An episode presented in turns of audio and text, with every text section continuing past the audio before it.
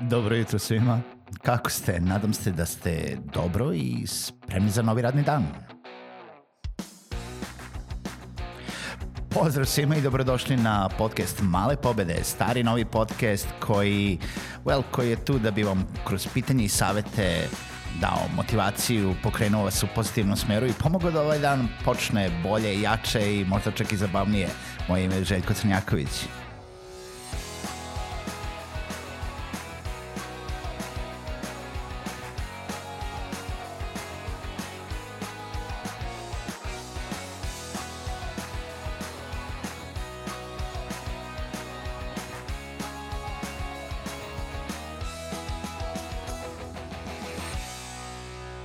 Pozdrav svima i dobrodošli u još jednu epizodu podcasta Male pobede. Uh, ovo je druga u seriji epizoda gde pričamo o maloj školi animacije, mala škola kreiranja sadržaja i pričamo o pet faza uh, produkcije recimo jednog animiranog videa, mada se iste faze ili neke slične faze mogu primeniti uh, na produkciju klasičnih videa ili neki drugi sadržaj.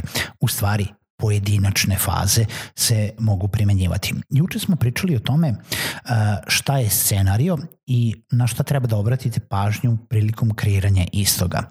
Druga faza u produkciji animiranih marketing videa, ali opet kažem, može da se primeni na druge vrste sadržaja, jeste snimanje glasa ili voiceover. Voiceover nije nužno druga faza. Ona je bitno da se radi i može da se radi bilo kada nakon finalnog odobrenja scenarija i određivanja znači da tu više nema izmena. Tek onda može da se šalje e, na snimanje profesionalnom uh, voiceover artistu, uh, jel da nekome ko profesionalno snima glas za potrebe reklama, animiranih marketing videa, e, narativnih videa, e, audiobookova ili bilo čega drugoga. E, voice artist danas imate pa, šakom i kapom.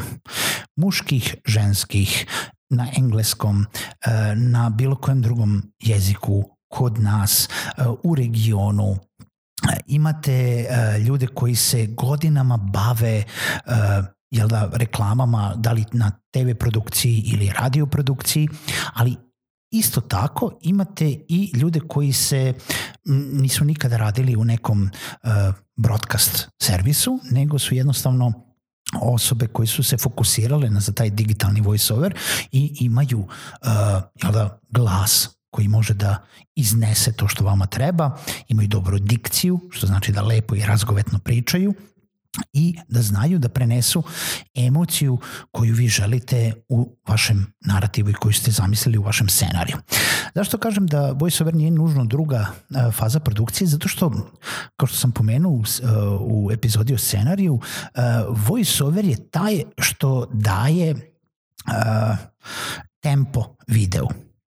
U explainer videima voiceover daje tempo jer animacija se radi na osnovu brzine i boje glasa koje se izvodi u samom snimku. Uh, to nije uvek slučaj, ne, uh, to je slučaj karakterističan za explainer videe zato što oni nose video sa svojom porukom.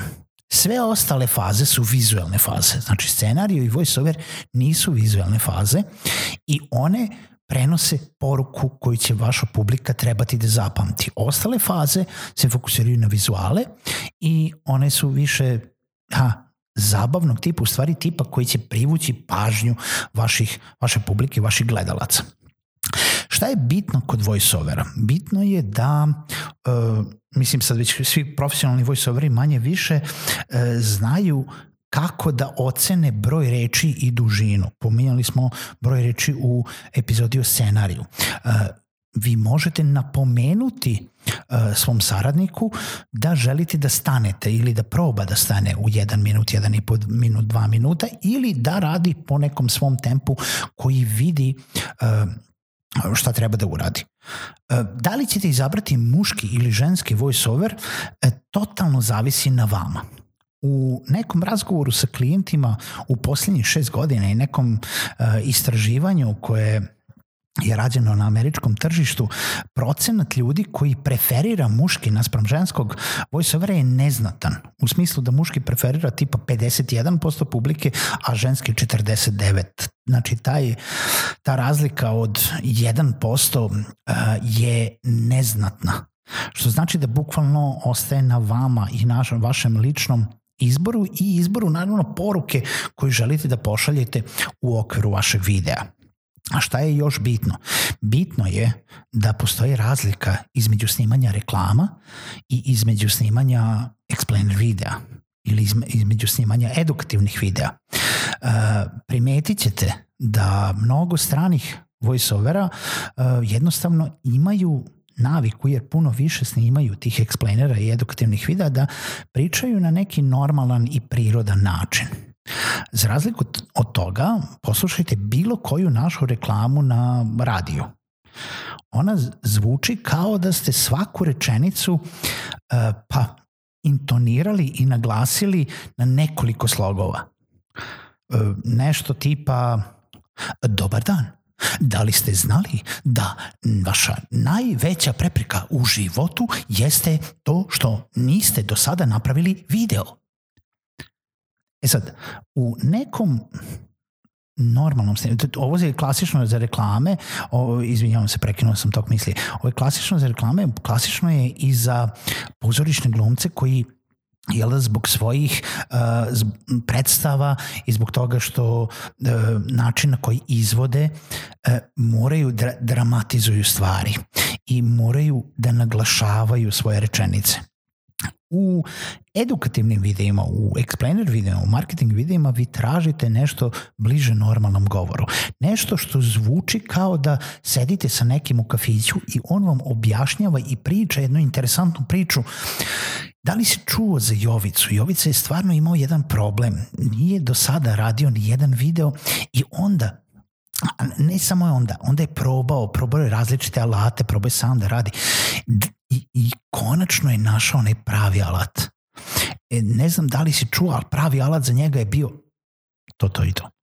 I sad, ja opet nisam voiceover artist, ali poslušajte bilo koji recimo od Explainera, poslušajte bilo šta recimo iz našeg portfolija na solutium.rs i vidjet ćete ono o čemu pričam. Kod zapošljavanja voiceover artista bitno je da naznačite sve što on treba da zna. U smislu, ne samo da mu dostavite scenario, nego ukoliko ima neka reč koja je diskutabilno kako se izgovara, da ne pričamo o tome na srpskom jeziku, jel da piše kao što, to je čite kao što piše, ali na engleskom ili na bilo kom drugom jeziku postoje uh, reči koje sad mogu da se izgovore i ovako i onako, uh, koje su upitne kako da se tačno izgovore. Da li se uh, neke skraćenice izgovaraju kao jedna reč ili kao svako slovo za sebe. Da li je cija ili cija, da li je uh, ne znam, niću sad da ovaj, uh, bacam primere iz glave.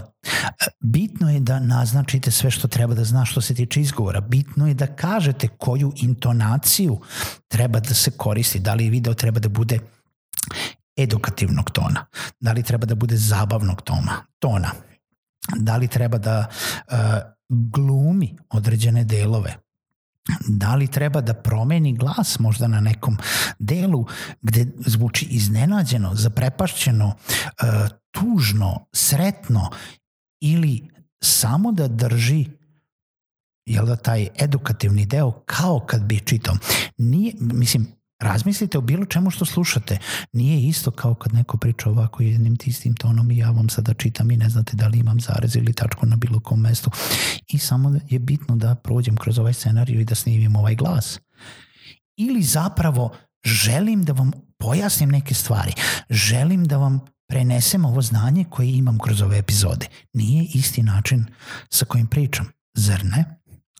E, sa svim profesionalnim voiceoverima možete da dogovorite i bitno je da unapred dogovorite koja je cena i koji je broj revizija koji ulazi u cenu, pogotovo ako vi niste zadnji klijent. Bitno je zato što može da se desi oko toga da imate problem, da bilo koja ispravka može da vas košta. Takođe, treba da znate da ukoliko pravite ispravke na videu recimo koji ste ranije snimili i da nije, znači da je već prošlo mesec dana, dva meseca, šest meseci, godinu dana, ja sam imao sam klijente koji se vraćaju posle nekoliko godina da bi ispravili video, voiceover će skoro 100% morati to da snimi iz početka, zato što glas jednostavno nije isti. Osoba više nije ista. I jako teško će se deo ili jedna reč zameniti samo sa drugom reči. Uh, klijenti obično misle da zamena jedne reči nije ništa veliko i nije kada to radite u Wordu, ali kada snimate nešto, kada snimate glas, često se desi da morate da prepravite rečenicu ili čak ceo pasos, a pričao sam već da postoji šansa i da se prepravi ceo voiceover, da bi se zadržala, da zadržao taj kontinuitet toka i boje glasa, a ne da zvuči kao da sam nešto ubacio u ovaj video. Toliko o stage voiceovera. Čujemo se u narednoj epizodi podcasta Male pobede.